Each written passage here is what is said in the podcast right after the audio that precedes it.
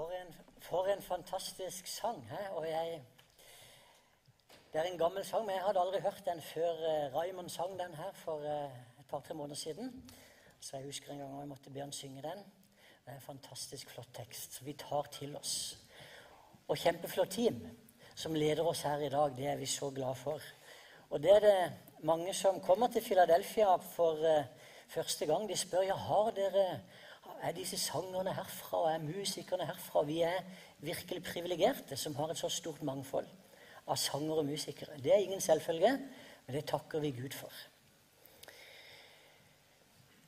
Vi er kommet fram til kapittel 3 i første Korinterbrev. Og hvis noen har med Biblene, så vil jeg gjerne at dere åpner de. Og de som har med epper, dere vet hvordan dere kan huke dere ned og lese i skjul bak stolen. Men vær velsigna allikevel. Guds ord er Guds ord. Første Korinterbrev, kapittel 3, og vi leser sammen. Og jeg har sagt det før, det er fantastisk å få lov å stå her og bare lese ordet. Ordet virker hva det nevner. Det som står her, det skjer. Og det skjer noe i våre hjerter når vi hører det lest. Likevel, søsken, kunne jeg ikke tale til dere som til mennesker som har Ånden. Jeg måtte tale til dere som til mennesker styrt av kjøtt og blod, som til spedbarn i Kristus. Melk ga jeg dere, ikke fast føde, for dere tålte det ikke. Ja, dere tåler det ennå ikke, for det er jo fremdeles kjøtt og blod som rår i dere. Når det hersker misunnelse og strid blant dere, er, det ikke da, er dere ikke da styrt av kjøttet og går fram på menneskers vis? Når en sier 'jeg holder meg til Paulus', og en annen 'jeg til Apollos', er dere ikke da som alle andre mennesker? Hva er vel Apollos, og hva er Paulus? Tjenere som hjalp dere til tro. Begge gjorde vi det Herren hadde satt oss til. Jeg plantet, Apollos vannet, men Gud ga vekst. Derfor er det ikke noe, verken den som planter eller den som vanner. Bare Gud er noe, han som gir vekst. Den som planter og den som vanner, er ett. Men de skal få lønn hver etter sitt eget arbeid, for vi er Guds medarbeidere, og dere er Guds åkerland, Guds bygning. I kraft av den nåde Gud har gitt meg, la jeg grunnvollen som en klok byggmester, en annen bygger videre. Men hver enkelt må være nøye med hvordan han bygger. Ingen kan legge noen annen grunnvoll enn den som er lagt, Jesus Kristus. Men om noen bygger på grunnvollen med gull, sølv eller edelstener, eller med trehøy eller halm, skal det en gang vise seg hva slags arbeid den enkelte har gjort. Herrens dag skal gjøre det klart, for den åpenbarer seg med ild. Og ilden skal prøve hvordan den enkeltes verk er. Om det byggverket noen har reist, blir stående, skal han få sin lønn. Dersom det brenner opp, må han lide tapet. Selv skal han bli frelst, men bare som gjennom ild. Vet dere ikke at dere er Guds tempel, og at Guds ånd bor i dere? Dersom noen ødelegger Guds tempel, skal Gud ødelegge ham. For Guds tempel er hellig, og dette tempelet er dere. Ingen må narre seg selv. Hvis noen av dere regner seg som vis i denne verden, la ham da bli en dåre, så han kan bli virkelig vis. For denne verdens visdom er dårskap i Guds øyne, for det står skrevet.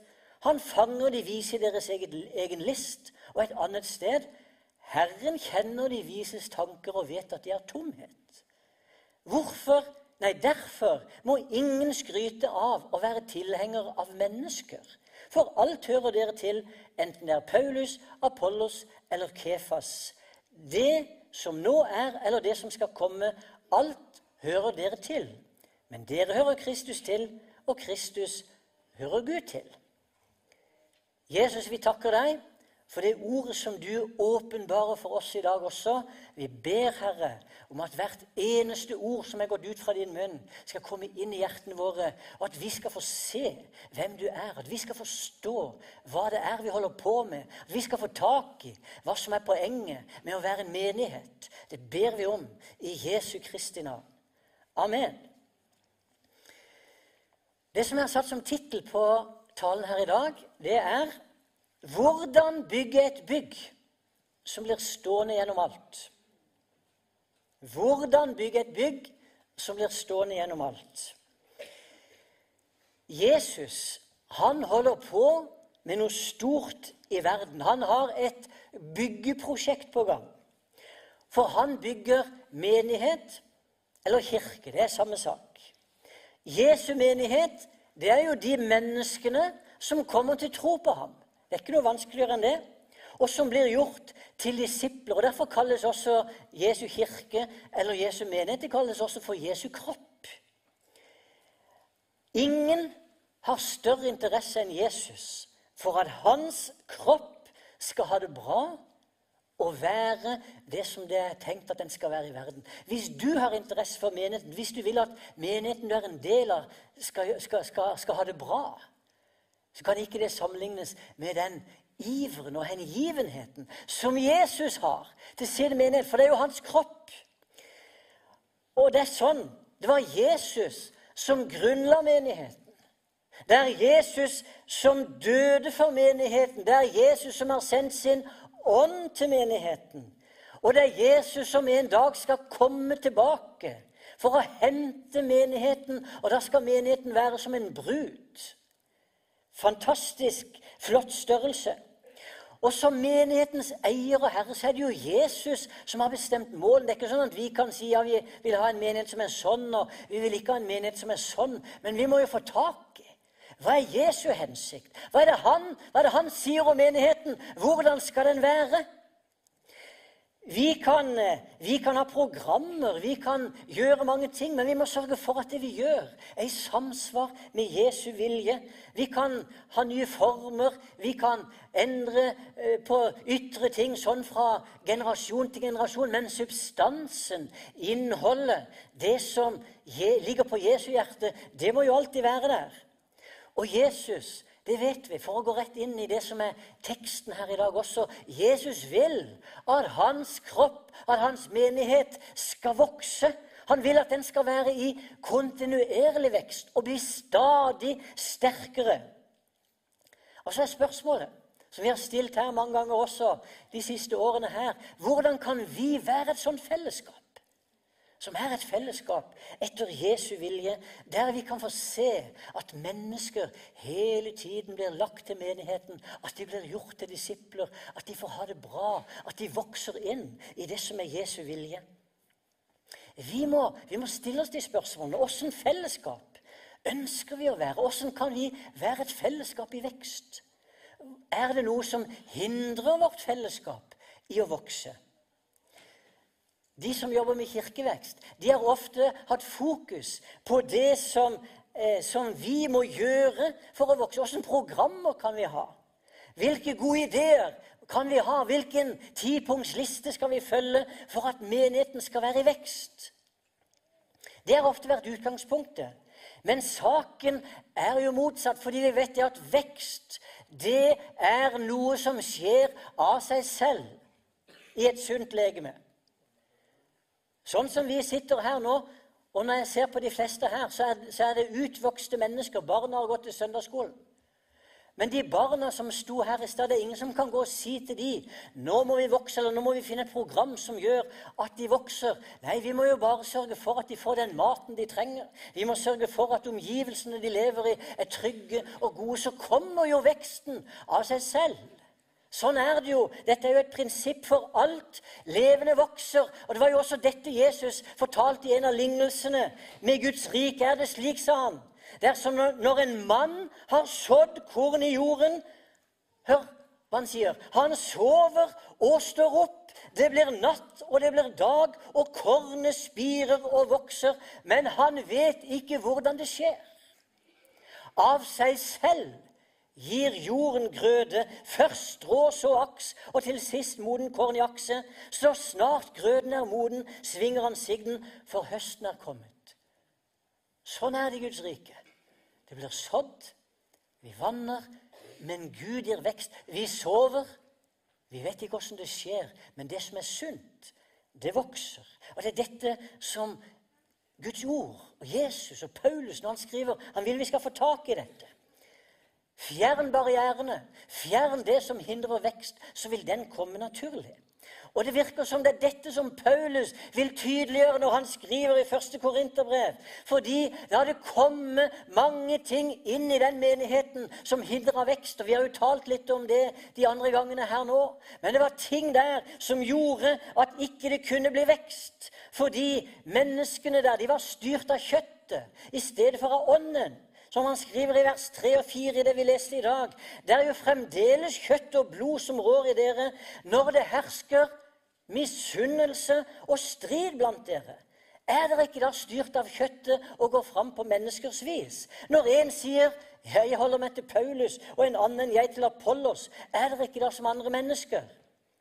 Partiene som var i menigheten, altså, de krangla om hvem som var den beste forkynneren. Kjenner du det? Det er noen som bare kommer når han skal tale, og noen kommer når han skal tale. og hvis han er på, da må vi i alle fall holde oss vekk. Det er noen mennesker her, ikke her, men i området rundt. De kommer på ett møte i året. To møter i året. Jeg skal ikke nevne navn, men f.eks. Halvard Hasløy der. Det er noen som er der bare én gang i året. Det er bra for Halvard, det. Men det er umodenhet. Det er dette Paulus skriver om. Og så da blir det strid, så blir det misunnelse. Og det er et hinder for vekst når vi lever i strid. Og vi kunne nevnt hundre andre ting. Paulus han kaller sånne holdninger for barnslige. For så lenge de holdt på med sånne barnslige holdninger, så var jo ikke de i stand til å ta imot fylden i Guds ord. For når det er misunnelse og splid som råder i menigheten, da er vi som spedbarn som bare tåler melk og ikke fast føde. Og det er noen mennesker de vil bare høre de samme tekstene, de vil bare høre de samme talene. Og hvis det, vi har fylden i Guds ord, og det er litt sånn tøffe tekster, så vil de ikke høre på, for de er bare barn ennå. Og Derfor sier Paulus, 'Jeg kunne ikke tale til dere som til mennesker som er ånden.' 'Jeg måtte tale til dere som til mennesker styrt av kjøtt og blod,' 'som til spedbarn i Kristus.' Melk ga jeg dere, ikke fast føde, for dere tålte det ikke. Ja, dere kan ennå ikke tåle det. Kan du tenke deg noe så flaut at Paulus måtte skrive det til menigheten? Tenk om du hadde blitt invitert i et selskap sammen med voksne mennesker, og så ble det servert der noen dryppende og møre og feite biffer som de skulle spise. Dere skjønner? Og så, når verten kommer til deg, så sier han, 'Du, jeg ser at du er ikke moden nok til å spise denne biffen ennå, men du skal få et glass melk.' Paulus karikerer det. Men det er det han vil si. Tenk så flaut å være voksen og utvokst, og så tåler dere ikke. I dag så skal jeg tale spesielt om det som har å gjøre med modenhetens betydning. For bare når vi er modne kristne, er det at menigheten kan komme inn i det som er Guds vilje. Og Jeg skal ta for meg fire punkt som vi skal gå gjennom her nå. For det første betydningen av modenhet. De modne kristne de har forstått betydningen av enhet. Hører dere hva jeg sier? De har forstått betydningen av enhet. For du ser, på grunn av partiene Pga. den synden som var inn i menigheten i Korint, der de krangla og, og striddes om hvem som var viktigst osv., så, videre, så var det ingen enhet. Og Derfor måtte Paulus poengtere betydningen av å være ett. For egentlig var det forkastelig, det som skjedde i menigheten i Korint. For når mennesker sa de holdt seg til Apollos eller Paulus eller Kefas Og Paulus kunne jo til og med blitt beæra. Hans navn var jo en av de som Det var jo ei gruppe der i menigheten som hadde Paulus. Han kunne jo sagt, hvis han selv hadde vært i kjøttet Nå må alle gå til den gruppa som sier de holder seg til Paulus, for det er han som har forstått det. Det er jeg som vet hvordan en menighet skal være. I stedet så går han i rette med det, fordi dette var barnestreker. Det som Paulus måtte poengtere, det er jo han får jo sorg for både Apollos og Kefas, altså Peter. Det var jo hans medarbeidere. Det var jo hans gode brødre, det var jo de som hadde stått sammen. Og så plutselig så er menigheten splitta fordi de liksom deler disse tre opp.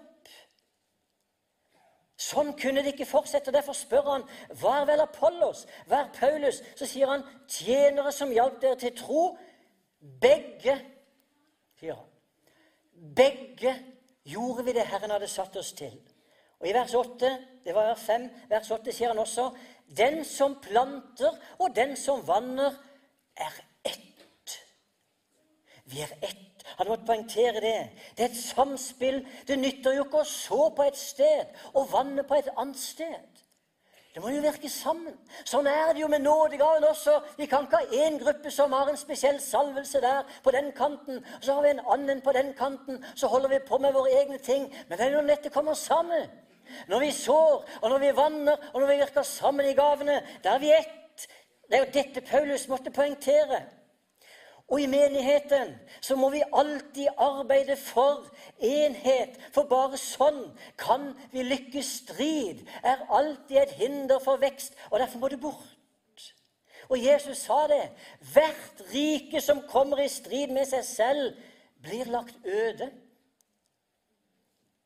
Og en by eller et hus som kommer i strid med seg selv, kan ikke bli stående. En menighet som er i strid med seg selv, kan ikke bli stående. Og Derfor er det Paulus skriver så alvorlig om dette. Og vi kan aldri overvurdere enhetens betydning. Hører du hva jeg sier? Vi kan aldri overvurdere Enhetens betydning. Og Det var jo også noe av det siste Jesus poengterte da han var sammen med disiplene den kvelden før han skulle eh, dø på korset. Så har han en mektig bønn vi har ofte kalt det Jesu ypperste prestelige bønn, der han ber for disiplene og alle som skulle bli disipler i årene som kommer. Så Jesus ba for deg. Han ba for Philadelphia og Vennesla. Han ba for oss. Også den siste kvelden før han døde på korset. For alt Guds folk er inkludert i dette. Og der sier han må de alle være ett. Slik du, far, er i meg og jeg i deg, slik skal også de være i oss, for at verden skal tro at du har sendt meg. Tenk at så viktig er det med enhet at gjennom enheten som er i menigheten, så vil mennesker forstå hvem Jesus er. De vil forstå hva frelsen er. De vil forstå at de trenger å bli frelst. Fordi de ser at vi er ett. Skjønner du hvor viktig det er at all strid og all splid, det holdes vekk? Gjennom vår enhet vil mennesker bli frelst. Gjennom vår enhet vil mennesker bli helbreda. Når vi er ett, så er alt mulig. Alt er mulig der det er enhet. Og det snakkes så sterkt om enhet i Bibelen at til og med ugudelige mennesker som ikke tror på Jesus, som ikke har Den hellige ånd, når de finner sammen i en enhet, så kan det skje mektige ting. Og Jeg har vært inne på det før med tårnbyggerne i Babel. Tenk det når de sier de skulle bygge et tårn som skulle stige opp til himmelen. Og så måtte Gud stige ned for å hindre dem i det, for det var ikke hans vilje. og Vi skal ikke gå inn på alt det nå. Men så, sier, så står det noe viktig der. I 1. Mosebok 11, vers 6 så sier Herren, se, de er ett folk, og ett språk har de alle, og dette er det første de gjør. Og så sier han, nå vil ingenting være umulig for dem, uansett hva de bestemmer seg for å gjøre. Det sier Gud om ugudelige mennesker. Om mennesker som ikke fulgte hans vilje. Men når det er ett, så kan de få til nærmest umenneskelige ting. Tenk da hvilken kraft som ligger i den enheten som vi har med hverandre i Den hellige ånd, der den treenige Gud er den som er i vårt fellesskap. Tenk hvilken kraft som er her gjennom den enheten. Og Det er jo derfor vi stadig minner hverandre om den betydningen vi har sagt det på ikke hvert bønnemøte, men sikkert halvparten av bønnemøtene, med å be med én stemme, i én akkord, være enige, være ett. Det er, ikke ei gruppe som holder på der, og ei gruppe som holder på der, men vi ber sammen. At ikke bønnemøtene, at ikke noe i denne menigheten skal være en konkurranse. At ikke vi skal sable de andre ned gjennom bønnen. Vi har mange fromme bønner der vi kan, vi ber liksom på en finurlig måte, og alle skjønner at det er han som sitter på andre rad. Det er egentlig han vi, vi ber imot nå. Det er han som trenger å høre dette. Vi tør ikke si det, men vi bare ber det ut, så høres det fromt ut. Men når enheten er der, så skjer det noe. Det andre de modne kristne har forstått at det er bare Gud som kan gi vekst. Så kan dere si ja, det er jo en selvfølge. Ja, det er en selvfølge. Men det er så viktig å bli påminnet om det. Paulus sier 'Jeg plantet Apollos vannet, men Gud ga vekst'. Vers 7. Derfor er de ikke noe, verken den som planter eller den som vanner. Bare Gud er noe. Han som gir vekst. På samme måte som jeg sa, som ikke vi kan få noe i denne verden til å vokse, kan vi heller aldri få noe til å vokse i Guds rike. Vi kan aldri bygge en menighet. Vi kan aldri fylle dette huset med mennesker. Vi kan ingenting i oss selv. og Derfor er det viktig å forstå dette prinsippet i Guds rike. Bare Gud gir vekst. Og det fører til at vi òg kan senke skuldrene. Ikke stress, men kom inn i den hvilen som Gud vil at du skal ha. Og vi må hjelpe hverandre til å ha det rette fokuset. Og det er feil fokus, som vi har sagt noen av de siste søndagene. Det er feil fokus om vi hele tida tenker å, nå må vekkelsen snart komme, og nå må dette bygget snart bli full. Innen juni så må det ha skjedd sånn og sånn. Nå må det vokse mer. For noe stress og noe kav. Og totalt ubibelsk er det. Vi må anerkjenne Bibelen, vi må anerkjenne Guds ord og stole på at det han har sagt, er sant. Hvordan kommer veksten i Guds rike? Gjennom nærheten til Jesus Kristus. Gjennom nærheten til Han som er liv. Der det er liv, er det vekst. Jesus er liv. Og når han trekker oss inn til seg Vi får del i hans liv. Hans liv blir en del av oss. Da blir det vekst. Og Det var derfor Jesus brukte bildet også med vintreet, med grenene. Hvis ei grein er festa til et tre, så er det umulig at ikke den greina vokser. Det er umulig at ikke det er liv i den greina. Hogger vi den av, så vet vi hva som skjer. Men så lenge du er festa til Jesus, så er det liv. Og det er det jeg skulle ønske at vi kunne komme tettere og tettere inn i. Forstå det. Veksten kommer gjennom nærheten til Jesus. Og når Jesus også bruk, han brukte mye naturen for at vi skulle forstå dette med vekst Har lest et avsnitt allerede. I Matteus 6 så snakker Jesus om liljene på marken. Han sier vi skal ikke være bekymra for noe, for å se på liljene på marken, hvordan de vokser. Hvis du spør liljene på marken ja, tror du det blir noe vekst i dag, tror du det blir noe vekst til neste år, de kan ikke tenke, og hadde de kunnet tenke, så kunne de ikke ha svart på det, for de står der. Gud har planta liv i dem. Og det er interessant, det ordet som brukes på gresk, det er det eneste fra grunnteksten her i dag.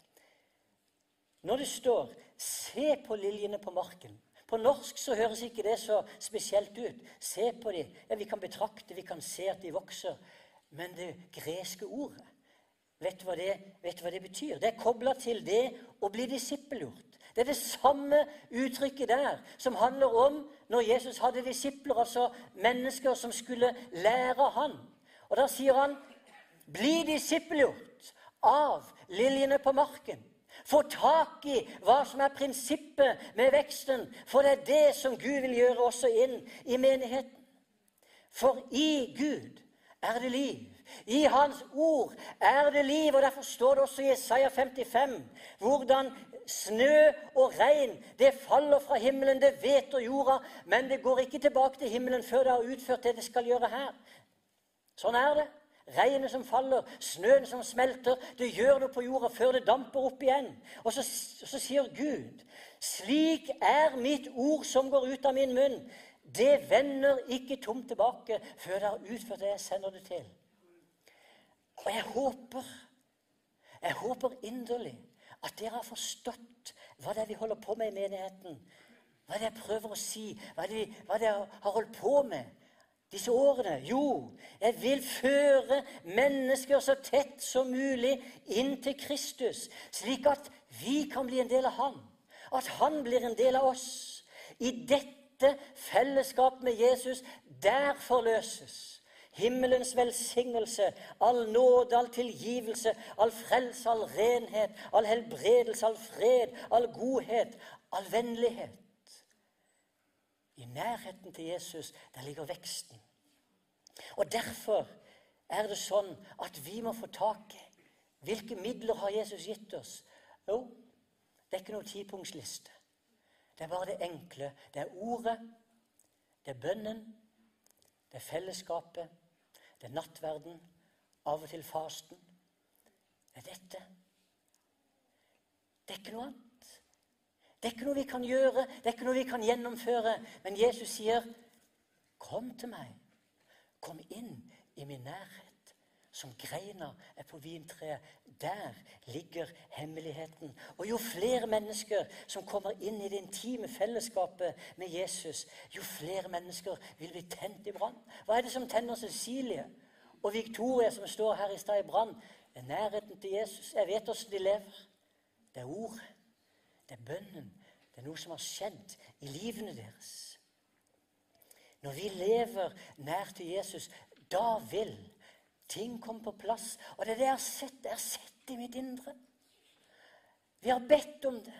Og Det er derfor jeg snakker så ofte om det. For jeg ser en strøm av kraft og salvelse og godhet Alt det du kan tenke deg gode ting som er i Jesus. Jeg ser en sånn strøm som bare flyter her i forsamlingen. Ikke, ikke som noe kav, ikke som noe stress, ikke for vi gjør de rette tingene og har de rette programmene, men fordi vi fører menigheten inn i Jesu nærvær. Og jeg ser det. Jeg kan se det for meg når jeg taler om det her. Jeg kan lukke øynene, da ser jeg det tydelig.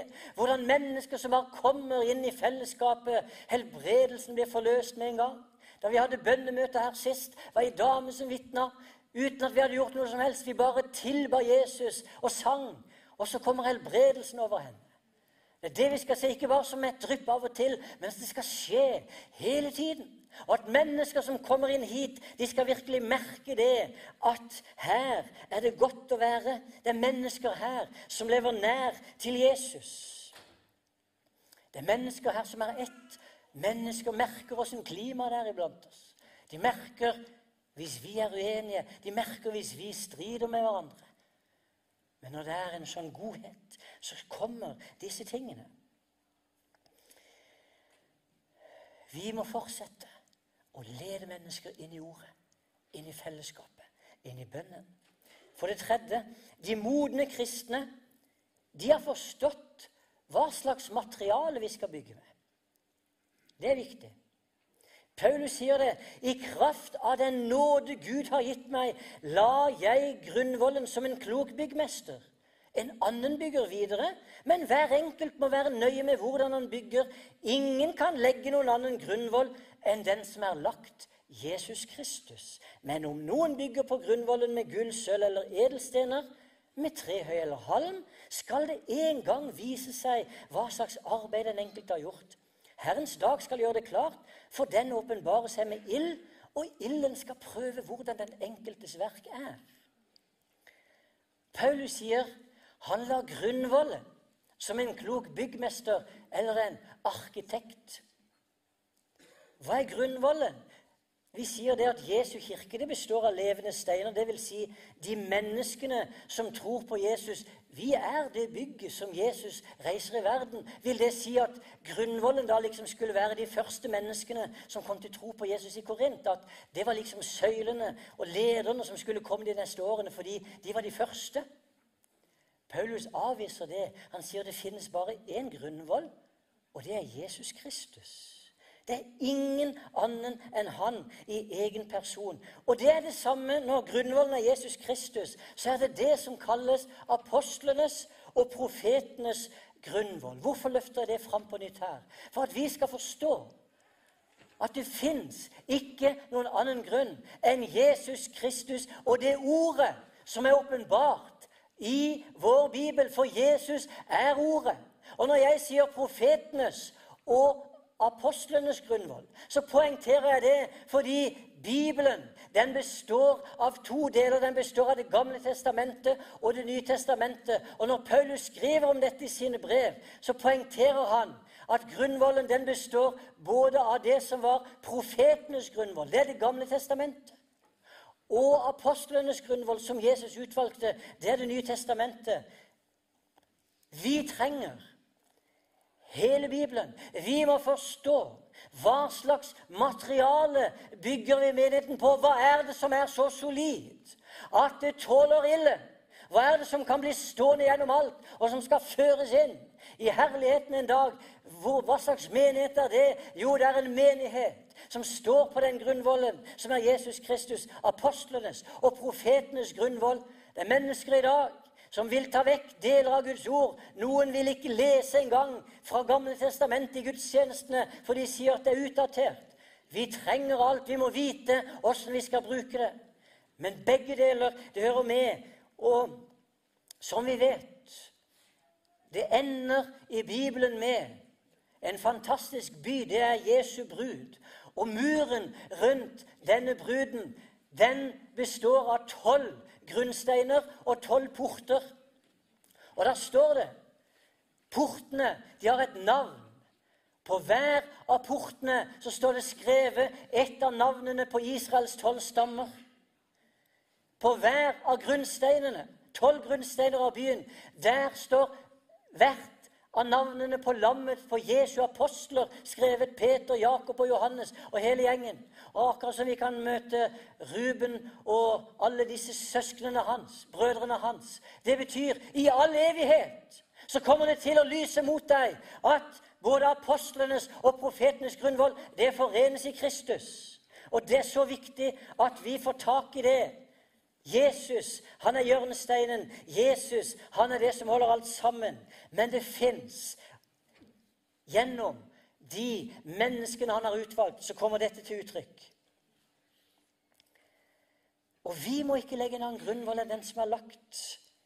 Det er Jesus, det er Ordet, som vi står planta på. Og når Paulus skal beskrive dette, så er det en motsetning mellom gull, sølv og edelstener og tre høy eller strå. Hva står i Hva går gjennom ilden?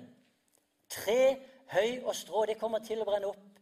Men vi må bygge på det som er gull og sølv og edelstener. Og hva er gullet?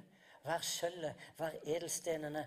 Jo, det er Guds ord. Og det vil også komme til uttrykk. Ikke bare det at Jesus er grunnvollen, men det vil komme til uttrykk med det som vi bygger opp på. For vi må fortsette, vi kan ikke bygge med noe annet materiale. Det som er grunnen, det er også det som vi skal bygge resten av huset med. Og vi må sørge for at vi bygger et hus som tåler alt. Og hvis vi forkynner Guds ord sånn som det står skrevet, da vil de levende steinene, da vil de menneskene som kommer til tro på Jesus, da vil de være solide og funksjonelle. Det betyr vi må forkynne budskapet om omvendelse, sånn at mennesker som kommer til tro på Jesus, virkelig tar oppgjør med sin synd. For det er mange mennesker i dag de tror de har tatt imot Jesus som Herre og Frelser, og de bekjenner det med munnen, men de, fors, de fortsetter å leve livet som før. Da har det ikke skjedd noe forvandling.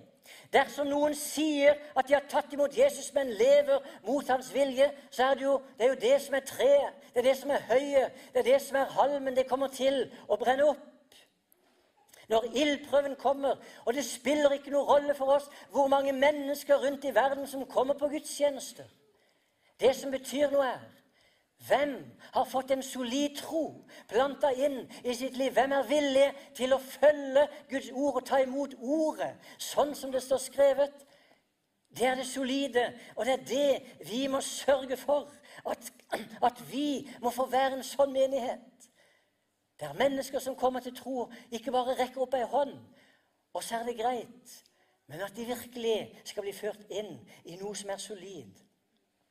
For Jesus vil plante i oss en tro som tåler alt. Og det står et bilde her med ild. Det står det at alt vi bygger, det skal prøves i ild. Og hva kan ilden være i denne sammenheng? Det kan være mange ting, og vi kunne hatt mange ulike taler om det, men jeg tror noe av det som ilden kan være, for å være litt praktisk her nå, det kan være f.eks. de prøvelsene, de fristelsene som vi møter i verden. Når du blir prøvd på forskjellige måter, har du ei tro som tåler det? Eller gir du etter? Blir det for tøft? Hvis motstanden kommer. Det kan være sykdommer og plager. Hvor er vi med vår tro hvis den helbredelsen som vi lengter etter, det vi har bedt om i så mange år, det har ikke kommet? Tåler troen det? Tåler troen din ilden fra den sykdommen som kanskje du måtte bære resten av livet? Hva med forfølgelse? Og vi blir ført inn i det forfølgelse og død og vanskelige ting. Jesus vil plante en tro i oss som skal tåle alt. Hva med det som jeg sier, de uteblitte bønnesvarene? Hva om det er det som er ilden, som prøver vår tro? Hvor er vi? Og det er dette som Jesus vil at vi skal få tak i. Det fjerde De modne kristne har forstått hva det vil si å være et tempel for Den hellige ånd. Hva er det at vi er et tempel for Den hellige ånd? står i vers 16 og 17. Vet dere ikke at dere er Guds tempel, og at Guds ånd bor i dere? Dersom noen ødelegger Guds tempel, skal Gud ødelegge ham, for Guds tempel er hellig, og dette tempelet er dere. Vi er blitt gjort til en bolig for Gud i ånden. Hva betyr det? Menigheten, det er ikke et kirkebygg. Philadelphia-bygget, det er ikke Guds bolig. Det er ikke bygget her som er Guds bolig. Det er forskjell på Guds hus og Guds menighetshus. For det er vi som er Guds hus. Det er vi som er Guds bolig. Dette er tempel for hans menighet. Vi må huske og vi må alltid huske at vi er ikke alene. Sammen er vi de levende steinene som Gud har tatt bolig i. Hele guddomsfylden er i Jesu kropp samla. I Kolossene 2 står det for i hans kropp bor hele guddomsfylden, og i ham som er hodet for alle makter og åndskrefter, har dere fått del i denne fylden. Et fantastisk løfte Hele den fylden som er i Gud, er i hans kropp. Ikke i Geirs kropp, ikke i din kropp, men i Jesu kropp. Sammen har vi del i denne fylden. Sammen er vi avhengig av Den hellige ånds kraft for at Jesus skal gjøre sin gjerning. Hver for oss er vi begrensa, men sammen er vi i hele Kristus. Ja, bor ikke hele Kristus i meg og i deg? Jo, visst gjør han det. Men samtidig så er vi bare et lem på hans kropp. Jeg er en, du er en annen. Sammen er vi dette bygget. Og Det er så viktig at vi forstår hva det vil si at vi sammen er et tempel for Den hellige ånd. Det er der det forløses. Og derfor Når vi snakker om nådegaver, så er det ikke sånn at vi ber fram nådegaver på den måten at ja, nå må vi ha en med den gaven og en med den gaven, og så har de en sterk tjeneste, og så kommer vi til dem. Jeg ser mer og mer. Det er i kroppen. I fellesskapet samla ligger den kraften og salvelsen som skal forløses over Guds liv. Det har vært litt for mye sånn opp gjennom historien, tror jeg. Det er enkelttjenester, enkeltmennesker. Jeg tror det Gud gjør i vår tid, det er et samvirke. Der Hans kraft forløses gjennom oss. Og jeg sier avslutningsvis Raymond, dere må komme opp og gjøre dere klar. Skal vi synge litt og be her mot slutten. Det jeg prøver å si i dag Vi er med på noe stort. Og vi er faktisk med på noe som er så stort at det er det viktigste i hele verden. Derfor at vi må lykkes. Derfor at vi må få tak i hva Jesus vil. Jesus han bygger sin kirke i oss gjennom oss, ved hjelp av oss. Men det er han som gjør det. Det er verdens viktigste oppgave. Det er klippa, det er det fjellet som han reiser i denne verden. Det er noe solid, noe som alltid står fast. Og jeg sa når vi hadde medarbeidersamling her, at ordet klippe, ordet fjell, sånn som det brukes i Bibelen, det brukes om fire forskjellige enheter. Det brukes om Gud, det brukes om Guds rike, det brukes om Kristus, og det brukes om menigheten. Så mektig, så viktig. Det er lett å se at Gud er en klippe. Det er lett å se at Jesus er en klippe. At Guds rike er en klippe. Men vi er en klippe. Vi er kalt til å være noe fast, sånn at de som kommer inn hit og skjelver som om aspeløv, at de skal kjenne jeg kommer på rett sted. Jeg har sagt det, sagt det til ungdommen, og jeg sier til de voksne òg. Hvis du går på trynet en gang, hvis du faller, må menigheten, må Philadelphia være det første stedet du stormer til. For mange som faller, de tenker nå vil de fordømme meg. Nå vil de ikke ta imot meg. Og så kommer de ikke, så, så løper de vekk.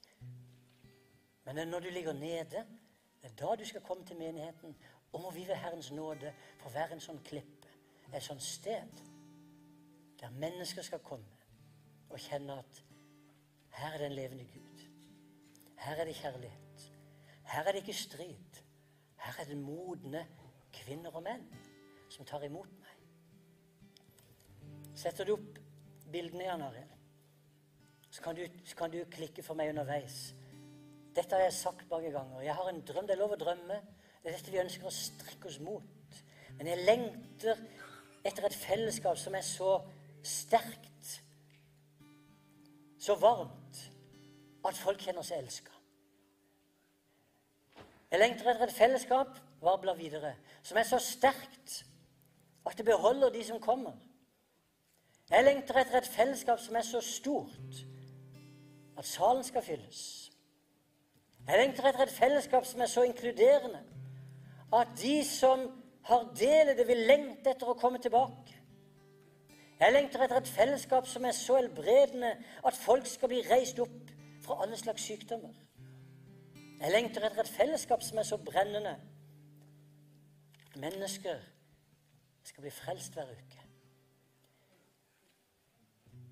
Vi kan ikke gjøre det, men vi kan søke inn til Kristus når han trekker deg. Ikke stritt imot. For Jesus drar alle mennesker til seg. Han drar dem til seg. Ikke stritt imot. Og Har du ennå ikke tatt imot Jesus som Herre og Frelser, ikke gå hjem i dag uten å komme inn i hans nærhet. Og Er det noen som kjenner at de har vært litt på avstand, eller de kjenner at livet har vært vanskelig, ikke gå hjem i dag uten at du kan få del i det fantastiske fellesskapet. Skal vi stå opp?